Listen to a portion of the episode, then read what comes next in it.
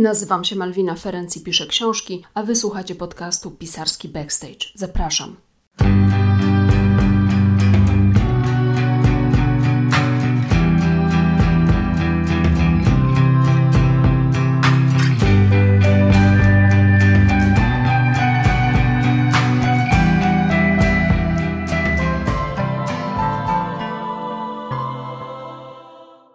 Dzień dobry, nazywam się Malwina Ferenc, mówcie o mnie rzemieślnik słowa. Piszę książki, 10 na koncie, 11 w produkcji, a w tym podcaście mówię o szeroko pojętym zapleczu pisania książek i o byciu twórczynią jako takim oraz o tym, co na rynku wydawniczym piszczy. Witajcie serdecznie. Poprzedni odcinek no, cieszył się zainteresowaniem, bo mówiłam o zarobkach pisarzy. Temat jest popularny, w ogóle temat pieniędzy jest popularny.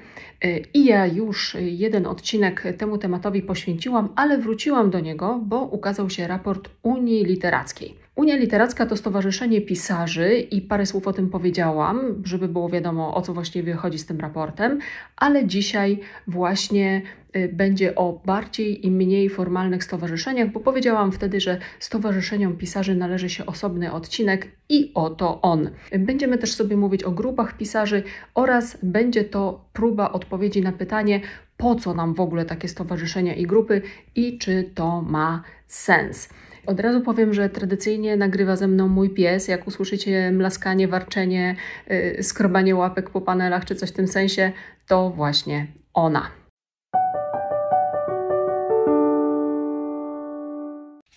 Mam jednak w tym podcaście taką nową świecką tradycję, że dzielę się wrażeniami z ostatnio przeczytanej książki. No i dzisiaj parę słów y, o książce, którą no właściwie nie tyle przeczytałam, co przesłuchałam.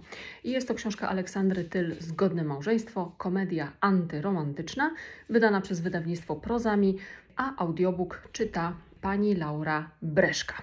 Komedia antyromantyczna. Wiecie co, no rzeczywiście można się pośmiać. To jest naprawdę śmieszna książka. Jest to cięta satyra na małżeństwo w kryzysie wieku średniego i e, są tam świetnie wytknięte i podkreślone przywary ludzi po czterdziestce i przywary małżeństwa zmęczonego samym sobą.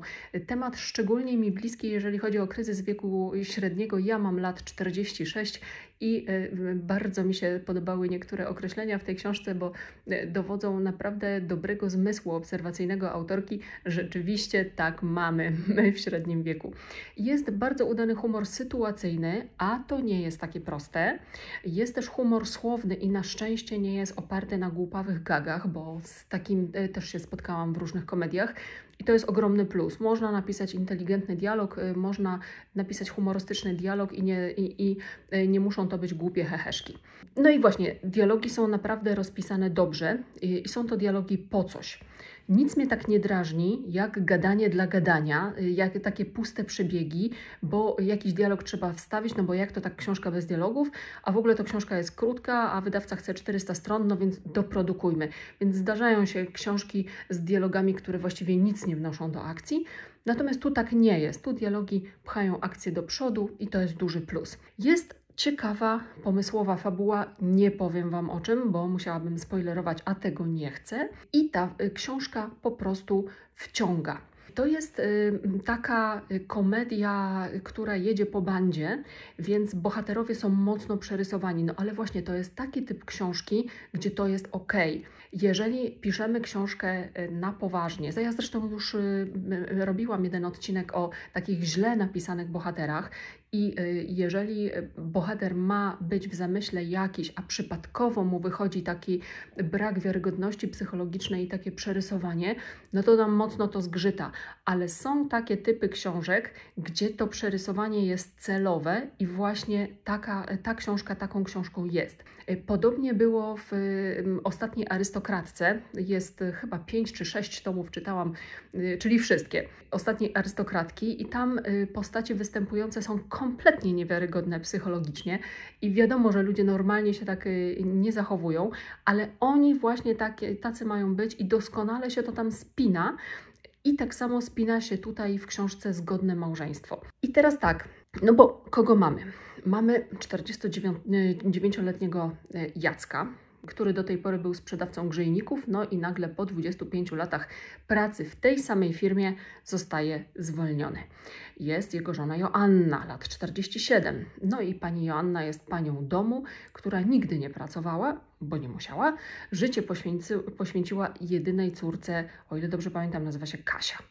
Jest też Janina, teściowa, która wpadła w szpony hazardu, przegrała cały majątek, no i gdzieś musi mieszkać, więc przyszła do córki. No i jest właśnie ta Kasia, jedyna córka małżeństwa, zaoczna studentka filozofii, która na potęgę doi od ojca kasę y, no i w tle jest też y, cała plejada bohaterów drugo- i trzecioplanowych, jest y, cała plejada sąsiadów, sąsiadek i innych postaci, naprawdę bardzo barwnych. I wiecie co? I naprawdę dobrze się bawiłam przy tej książce. Zakończenie było zaskakujące, to też jest na plus.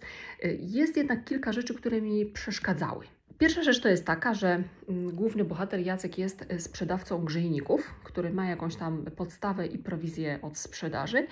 No i wychodzi na to, że sprzedawcy grzejników w Warszawie zarabiają niebotyczne pieniądze, bo rzecz się dzieje w Warszawie. Tacy programiści czy starsi programiści to mogą im skoczyć. No, sprzedawcy grzejników wymiatają, bo kolega bohatera utrzymuje siebie, żonę, pięcioro dzieci i wymagającą kochankę. Sam jeden ze swojej pensji. No to kurde, ludzie, gdzie składać CV? To ja też chcę. Wiem, że y, tutaj rzeczywistość jest celowo przerysowana, ale mm, mimo wszystko ten aspekt to mi raczej zgrzytał. Druga rzecz jest taka, że takie, powiedzmy, jest to taka może wpadka, może niezbyt dobre podkreślenie pewnej rzeczy. Otóż żona, czyli pani Joanna, zanosi laptop do naprawy, do serwisu i mówi, że odbierze go za miesiąc. A to, że odbierze go za miesiąc i to, że ona zanosi go do naprawy jest celowe i jest mm, bardzo ważne dla fabuły. No ale parę scen później ona bierze laptop i sprawdza w nim coś, y, pendrive'a tam wkłada i tak dalej. No halo, halo, trochę czasu upłynęło, ale właściwie nie ma zaznaczone, czy upłynął już ten miesiąc, czy nie. Założenie było takie, żeby ona go po pewnym zdarzeniu dopiero odebrała z tego serwisu. Do zdarzenia póki co nie doszło, a ona coś na laptopie sprawdza. Więc to wygląda tak, jakby autorka zapomniała, że ten laptop ma tam być. E, korekta tego, e, redakcja tego nie wychwyciła a być może y, za słabo, był, za słabo była zaznaczona ta linia czasowa i tu y, spowodowała u mnie takie, y, takie wrażenie, czekaj, co? Takie coś mi się włączyło. No i e, trzecia rzecz, która mi tak jakoś e, troszeczkę nie pasowała, to jest e, tam pewna taka bohaterka, dziewczyna szukająca mężczyzny i ona to robi w pewien sposób, ma swój taki sposób na podryw, nie powiem Wam jaki, bo to też jest mocno splecione z akcją i też jest to podstawa do takich komicznych sytuacji. Natomiast y, wydaje mi się, że to, mm, to znaczy, rozumiem to przerysowanie, ale y, też mi to zgrzytało, bo dziewczyna tego typu raczej wybrałaby Tindera czy jakieś inne poszukiwania w sieci, niż taką metodę, jak ona ubrała, obrała ale rzeczywiście ma to znaczenie dla fabuły i powiedzmy pod tym względem się to broni. Na szczęście te wszystkie y, niedociągnięcia giną w dobrej rozrywce. Ja się czepiam, bo ja się z natury czepiam, jestem szczegularą, więc y, tak też podchodzę do książek. No ale właśnie to jest dobra rozrywka a sam audiobook jest naprawdę bardzo dobrze zrobiony i jest tak, jest tak zwane udźwiękowienie, czyli chodzi o to, że oprócz tego, że lektorka czyta, to w tle mamy rozmaite y, podkład muzyczny, mamy rozmaite dźwięki, mamy szczekanie psa, mamy jakieś inne elementy, dzwonienie telefonu, stukanie klawiszy na klawiaturze. Bardzo dobrze to robi, bo w odpowiednich momentach jest dobrana odpowiednia muzyka, która świetnie podkręca klimat tej książki i naprawdę sprawia, że przykuwa się uwagę. I co? Y, bardzo dobrze czyta lektorka, y, bardzo, y, bardzo mi się podobało to i świetnie interpretuje. Nie przeinterpretowuje pewnych rzeczy. Widać, że ona też no, w jakimś sensie bawi się tą fabułą. To się da wyczuć i jest to naprawdę, naprawdę dobrze zrobione. Więc Pani Lauro, Pani Laura Breszka czyta, Pani Lauro, oklaski. Zachęcam Was do sięgnięcia po książkę y, Aleksandry Tyl, Zgodne małżeństwo. I od razu też mówię, że to, że ja przedstawiam jakąś y, swoją, swoje wrażenia z tej lektury, to są to wyłącznie moje wrażenia. Można się z nimi nie zgadzać. Jeżeli ktoś się nie zgadza, jest to zupełnie ok. Ja dzielę się wrażeniami jako odbiorczyni treści y, kulturalnych, jako odbiorczyni popkultury i Uważam, że mam do tego prawo, bo jestem właśnie no, odbiorcą tych treści tworzonych przez innych, tak jak inni są odbiorcami treści tworzonych przeze mnie. Adrem. Dzisiaj więc będzie o grupach literackich i o stowarzyszeniach literackich. Y, sama forma grupy czy stowarzyszenia wcale nie jest żadną nowością. Istniały od bardzo, bardzo dawna. Każdy z Was chyba słyszał o skamandrytach czy słyszał o awangardzie krakowskiej, y, więc pisarze gromadzą się w pewne zespoły w jakichś celach co ma im przynieść pewne korzyści. No i dzisiaj sobie porozmawiamy o tym, jakie to są zespoły i jakie to korzyści Y, może przynosić i czy rzeczywiście takie daje. Zacznijmy sobie od Unii Literackiej, która pojawiła się już w tamtym odcinku. Unia Literacka to jest y, stowarzyszenie, które powstało w 2017 roku. Jest to inicjatywa wywodząca się z targów książki w Londynie w marcu 2017 roku. We wrześniu tego roku było spotkanie założycielskie, a w 2019 roku Stowarzyszenie Unia Literacka zostało wpisane do KRS-u. Wszystko to czytam strony Unii Literackiej. Oczywiście wszystkie linki e, do wszystkie odnośniki znajdziecie w opisie odcinka. Zawsze tak robię, więc sobie tam zobaczcie. Co e, robi Unia Literacka i kto tam właściwie jest? E, członkami jest jak dotąd 114 osób, czyli tak naprawdę niewiele. Sama Unia powstała w wyniku takiego protestu, bo część tych osób, które dzisiaj do niej należą, należała wcześniej do Stowarzyszenia Pisarzy Polskich, o tym sobie też y, y, powiemy. Był to protest przeciwko mm, podjęciu współpracy z Instytutem Literatury. Y, Instytut Literatury jest nadania ministerialnego. Powstała taka kwestia, że mm, ten Instytut Literatury mocno promował E, współpracę z nowym napisem. Nowy napis to takie pismo literackie i e, namawiał właśnie członków Stowarzyszenia Pisarzy Polskich do oddawania utworów do internetowego repozytorium tego pisma i namawiał do publikacji e, właśnie w tymże nowym napisie, proponując naprawdę fajne stawki. Co to za stawki? No i jak czytam w polityce, link będzie w opisie odcinka. Oferowane stawki to było od 500 zł w górę za publikację wiersza, 1000 w górę za przedruk i 2000 za opowiadanie. Rzecz polegała na tym, że pisarze stwierdzili, że to jest takie jakby kupowanie członków Stowarzyszenia Pisarzy Polskich poprzez te wysokie stawki, żeby oni właśnie współpracowali z tym pismem, z Instytutem Literatury firmowanym przez Ministerstwo kultury. A y, ponieważ y, w grę wchodzi polityka, wchodzi y, jakieś takie powiedzmy reprezentowanie takiej, a nie innej wizji, ci, którzy nie zgadzali się z tą wizją, poczuli się po prostu dyskryminowani, no bo to jednocześnie ci, którzy powiedzmy zgadzają się na publikację w takim piśmie, no to jakby firmują ten Instytut Literatury i firmują działania prowadzone przez Ministerstwo Kultury, a też jest kwestia taka, że powstały takie głosy, że tu z jednej strony właśnie idą naprawdę fajne pieniądze na publikację w takim piśmie, a z drugiej strony Ministerstwo Kultury przestaje dotować inne tytuły literackie i one mają problem nagle ze swoim funkcjonowaniem, no bo dotacje ministerialne były bardzo istotną częścią ich budżetu, nagle zostali ich pozbawieni. Więc tutaj część osób nie zgodziła się na takie działanie, wystąpiła ze stowarzyszenia. Taką osobą była innymi właśnie Olga Tokarczuk i założyli Unię Literacką. I teraz tak, no jakie zadania ta Unia Literacka ma? Przede wszystkim mm, mm, czytam mm, o tym na stronie Unii. Czytam o tym tak. Każdy poeta Pisarka kryminałów, reportażystka czy prozaik, nawet ci doświadczeni z dużym dorobkiem, są sami wobec machiny rynku książki i stają niekiedy w sytuacji, w której potrzebują wsparcia i porady. Dlatego postanowiliśmy powołać stowarzyszenie, które będzie reprezentowało nasze interesy, lobbowało na rzecz rozwiązań korzystnych dla literatury i czytelnictwa w Polsce, stanowiło forum wymiany wiedzy fachowej. No, brzmi to bardzo dobrze. Unia Literacka w czasie pandemii, kiedy był lockdown, organizowała spotkania online. 50 tych spotkań było, spotkania z czytelnikami. robili zrzutkę finansową dla pisarzy którzy znaleźli się w kłopotach finansowych, no bo jeżeli ktoś się utrzymywał wyłącznie z, ze sztuki pisarskiej, to pandemia tak naprawdę była dla niego dużym ciosem. Tworzyli umowy modelowe i te umowy są rzeczywiście dostępne na ich stronie. Zachęcam Was bardzo serdecznie do tego, żeby sobie zerknąć. Te umowy są ogólnie dostępne. Świetna opcja dla tych, którzy nie wiedzą, czy zapisy w ich umowie z wydawnictwem są ok, czy nie są ok i są zdezorientowani w tym wszystkim. W tych umowach ja je czytałam. One są naprawdę fajnie napisane, krótkie, jasne i treściwe i tam są wszystkie rzeczy takie, które powinny się znaleźć w dobrze napisanej e, umowie też mają opinie prawne, które rekomendują wszystkim twórczyniom i twórcom, twórcom literatury w Polsce. To też jest właśnie napisane na ich stronie.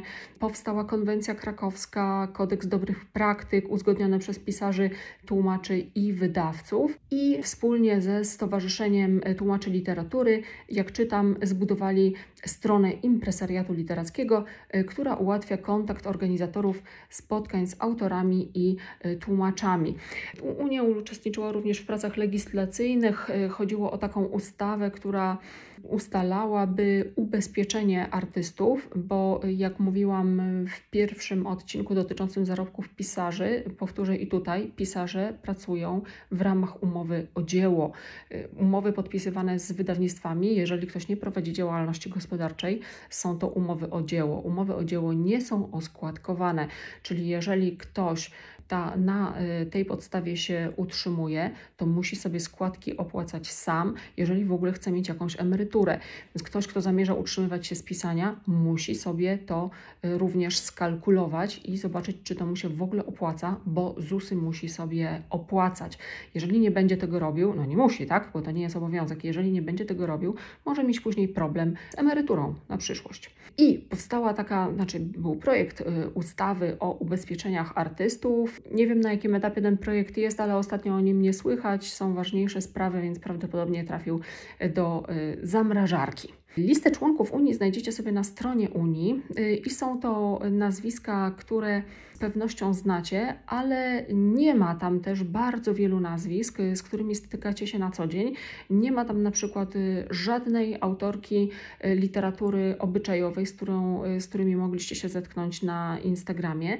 Nie ma tam bardzo wielu autorów kryminałów. W ogóle nie mam tam bardzo, bardzo, bardzo, bardzo wielu osób piszących literaturę gatunkową. Jest tylko 114 15 osób, więc tu pojawia się pytanie, dlaczego tych osób nie ma.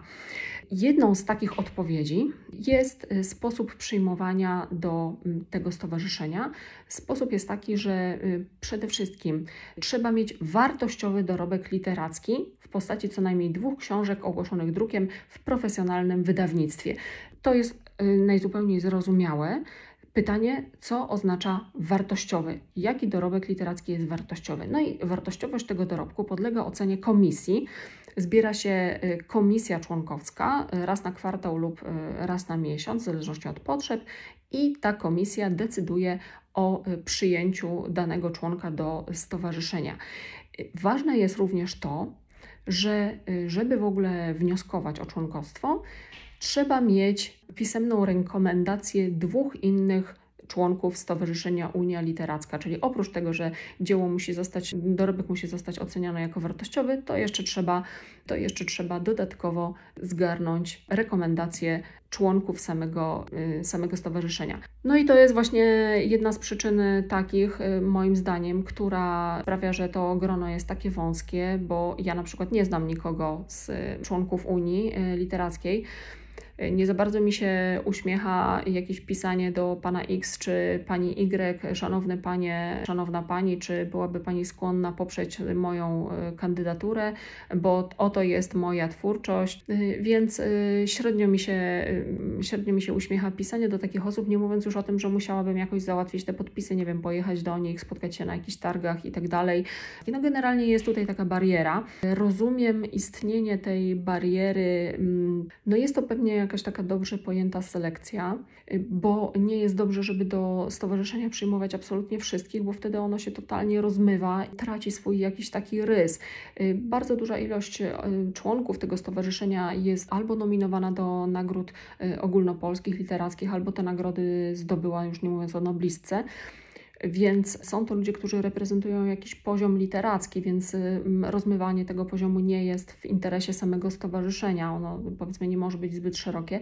Z drugiej strony jednak no, ta bariera jest pewnie dla bardzo wielu y, nie do przeskoczenia. Więc to może być pierwsza przyczyna tego, że y, jakoś y, pisarze do Unii Literackiej się nie garną. No ale druga przyczyna jest taka, że pojawia się pytanie, czy takie stowarzyszenie w ogóle jest potrzebne? Czy mm, działania, które oni prowadzą, są jakąś wartością dla niezliczonej rzeszy y, osób publikujących dzisiaj w Polsce?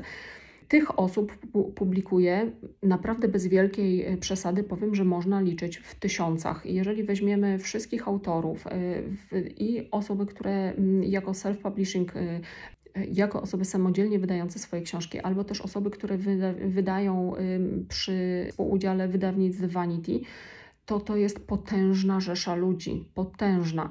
Rynek książki jest przeładowany i mimo wszystko ci ludzie jakoś nie pchają się do stowarzyszeń, literackich.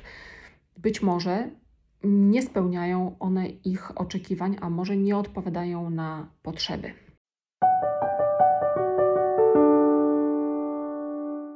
Drugim stowarzyszeniem takim oprócz Unii Literackiej y, jest Stowarzyszenie Pisarzy Polskich. To jest y, organizacja, która powstała dużo wcześniej. Y, konkretnie ona powstała po stanie wojennym, to znaczy w 1983 roku ukonstytuowało się. Jak czytam w ich statucie, podlinkowany w opisie odcinka, pamiętajcie. Jak czytam w statucie, stowarzyszenie nawiązuje do tradycji Związku Zawodowego Literatów Polskich powstałego w 1920 roku, a także do działań środowisk literackich w kraju i za granicą podejmowanych w obronie godności i suwerenności literatury narodowej, praw ludzkich i swobody tworzenia. No, są to duże słowa. Co takie stowarzyszenie robi? Y, generalnie to samo, co Unia Literacka, czyli zadaniem tego stowarzyszenia jest dbałość o interesy członków stowarzyszenia, y, jest promowanie rozwoju życia literackiego, jest zabieganie o y, pomoc materialną i prawną, organizacja domów pracy twórczej, bibliotek, archiwów czy ośrodków dokumentacji. Są urządzane dyskusje literackie i spotkania jest prowadzona działalność wydawnicza i gospodarcza i tak dalej. Stowarzyszenie prowadzi działalność nieodpłatną. I no właśnie, i teraz tak, stowarzyszenie ma swoje oddziały. Jest oddział wrocławski, warszawski, szczeciński, poznański, olsztyński, łódzki, lubliński, krakowski, katowicki, gdański, bydgoski i pewnie jakieś jeszcze, bo pewnie nie wszystkie wymieniłam. I y, są to y, oddziały właśnie takie regionalne, y, skupiające pisarzy mieszkających na danym terenie. Czyli działania generalnie są dokładnie takie same, jakie przed sobą stawia Unia Literacka. No a teraz zastanówmy się, jakie, co trzeba zrobić, żeby do takiego stowarzyszenia przystąpić trzeba złożyć wniosek do mm, konkretnego oddziału, ten, który no, powiedzmy geograficznie nam odpowiada. Do wniosku powinny być dołączone osobiste rekomendacje co najmniej dwóch pisarzy będących członkami stowarzyszenia, czyli jest dokładnie taka sama zapora jak w Unii y, Literackiej. No i taki zarząd tego oddziału przesyła wniosek danego pisarza o przyjęcie do komisji kwalifikacyjnej i w ciągu miesiąca się to dzieje od zgłoszenia. Taka komisja kwalifikacyjna rozpatruje ten wniosek w ciągu 6 miesięcy od otrzymania dokumentów i decyduje o tym, czy dana osoba może być członkiem y, stowarzyszenia, czy też nie. Jeżeli się nie zgodzi, no to y, najwcześniej dopiero po roku można aplikować znowu. W przypadku Unii Literackiej najwcześniej po dwóch latach. A nie powiedziałam jeszcze o składkach. 120 zł rocznie Stowarzyszenie Pisarzy Polskich, 200 zł rocznie Unia Literacka, czyli to nie są jakieś gigantyczne pieniądze.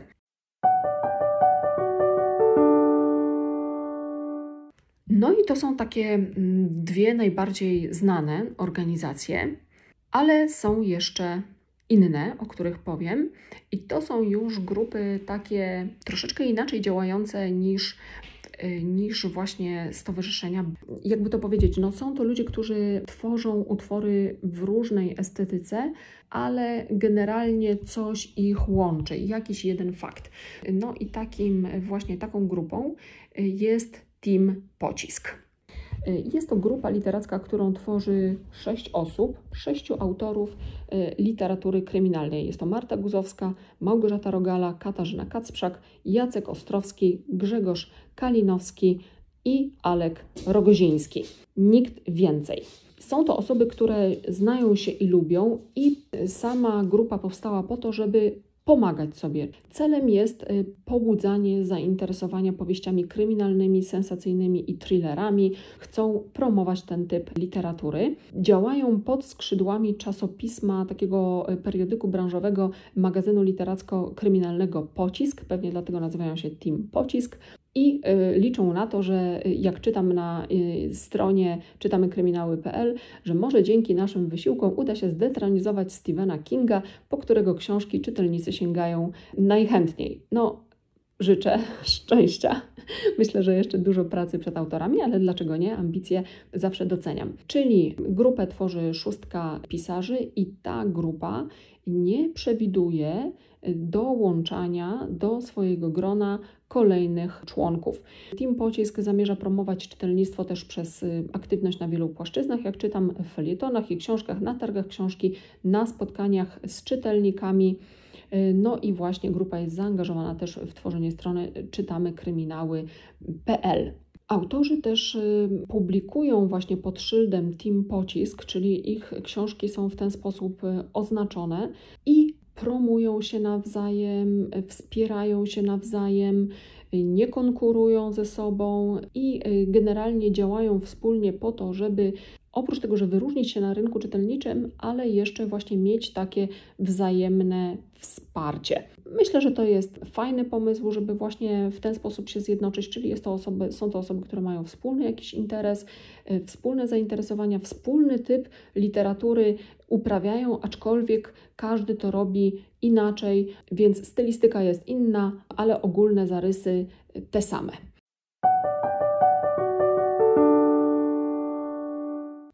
Na podobnych zasadach działa grupa Harda Horda. Harda Horda to kilkanaście pisarek, które tworzą literaturę fantazy, choć nie tylko, bo część z nich również sięgnęła po kryminały. I te autorki to Ewa Białołęcka, Krystyna Chodorkowska, Agnieszka Hałas, Anna Chrycyszyn, Aneta Jadowska, Aleksandra Janusz, Anna Kańtoch, Marta Kisiel, Magdalena Kubasiewicz, Anna Nieznaj, Martyna Raduchowska, Milena Wójtowicz i Aleksandra Zielińska. Moja koleżanka, która czyta bardzo dużo literatury fantastycznej, Aśka, pozdrawiam Cię serdecznie, mówi, że książki Hardej Hordy kupuje w ciemno. Ja spotkałam się z twórczością, zresztą poleconą przez Aśkę, twórczością Ewy Białołęckiej i gorąco polecam. To są świetne książki, to są naprawdę świetne książki. Czytałam też książki Marty Kisiel i naprawdę dożywocie to jest super książka. Gorąco Wam, Was zachęcam do przeczytania. Z twórczością innych autorek jeszcze się nie zetknęłam, ale pewnie się zetknę.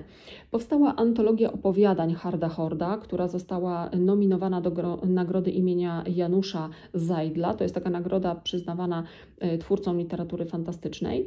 I sama Harda Horda jest właśnie taką, jak opisują na swojej stronie hardahorda.org. Link macie w opisie odcinka. Działa od 2017 roku, zaczęło się od Facebooka. Są to właśnie autorki które tworzą w dziedzinie fantastyki, lecz nie tylko. Wiedzą, że mogą zdziałać razem więcej niż w pojedynkę, wspierają się, dzielą wiedzą, dyskutują na tematy dotyczące twór twórczości nie tylko, promują nawzajem swoją twórczość jako grupa i wspólnie realizują różne projekty. Zaczęło się właśnie od tej grupy na Facebooku, y, szybko złapały panie chemię i już w marcu 2017 roku oficjalnie powstała Harda Horda. Jest również fanpage, jest anglojęzyczny katalog, wyszła właśnie ta antologia. No i zaznaczają, że to dopiero początek. Piszą też, że nie mają programu jako takiego, każda pisze inaczej i na swoich własnych zasadach.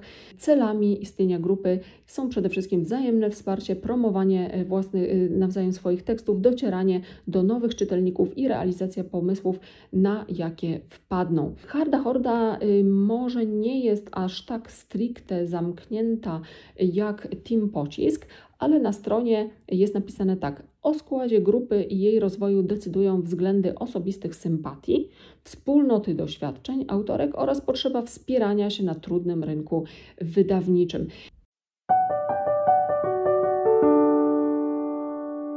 Nie dotarłam do y, żadnego stowarzyszenia czy do żadnej grupy, która skupiałaby autorów, autorki literatury obyczajowej, y, autorów i autorki tworzące thrillery czy kryminały, no ale nie zrzeszone w Team Pocisk. Nie znalazłam, to nie znaczy, że nie istnieją, ale być może są to grupy bardzo mocno nieformalne, być może się jeszcze nie do końca ukonstytuowały, a może ja za słabo czytałam, może nie są wypozycjonowane tak, żebym, żeby wyszukiwarka mi je wskazała. Ciężko mi powiedzieć. Jeżeli zwiecie o takich grupach, to podzielcie się, napiszcie do mnie, komentujcie, niech ja też tę wiedzę zyskam, bo y, chcę wiedzieć więcej i myślę, że wtedy sobie zrobimy taką ratę czy postscriptum i y, dopowiemy te rzeczy, które nie zostały powiedziane w tym odcinku. No i tak, Tytuł tego odcinka to Czy Stowarzyszenia Pisarzy w Polsce y, to kółka wzajemnej adoracji? Zostawiam Was z tym pytaniem, czy rzeczywiście tak jest. Natomiast zastanawiam się, dlaczego tyle osób, które są na rynku wydawniczym, nie garnie się do tych, y, do tych stowarzyszeń.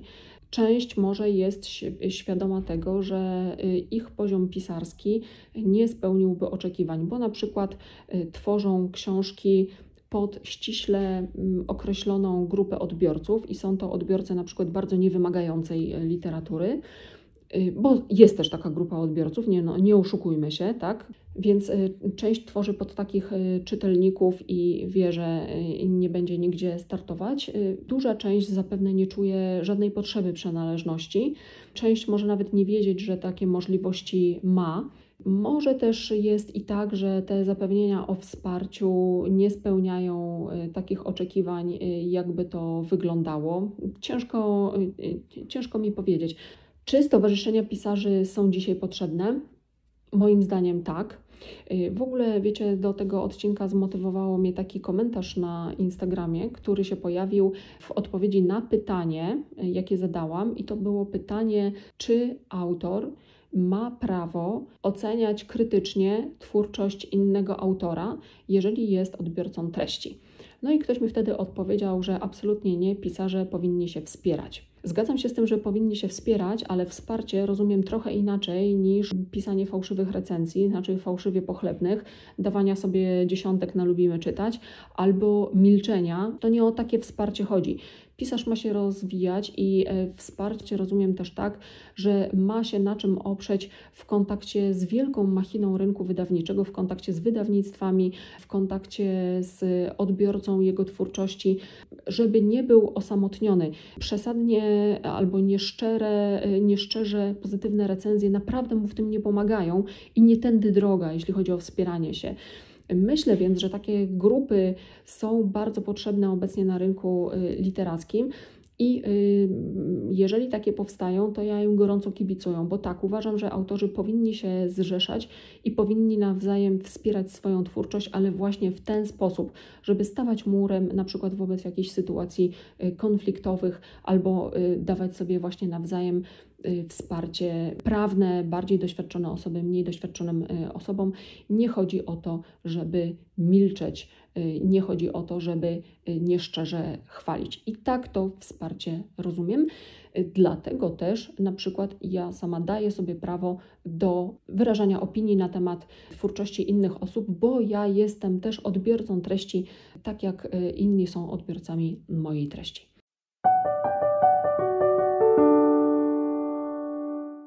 Dobrze, zostawiam Was z tym wszystkim. Mam nadzieję, że odcinek Wam się podobał. Jeżeli tak, to zapraszam Was do tego, żebyście polubili go, żebyście dodali do obserwowanych i śledzili. Żaden podcast Wam nie, um, nie umknie. Zapraszam do tego, żebyście powiedzieli o mnie swoim znajomym. Czytajcie moje książki, robię to też po to, żeby promować własną twórczość, więc będzie mi bardzo miło, jeżeli sięgniecie po moje powieści. I e, odwiedźcie mnie na Facebooku czy na Instagramie, raczej na Instagramie, bo tam jestem e, dużo częściej. Zobaczcie, jakie fotki Wrocławia robię. Mam nadzieję, że spotkamy się przyszłym odcinku. Odcinki pojawiają się co niedzielę. Słyszymy się za tydzień. Bardzo Wam dziękuję za dzisiaj i trzymajcie się. Pa!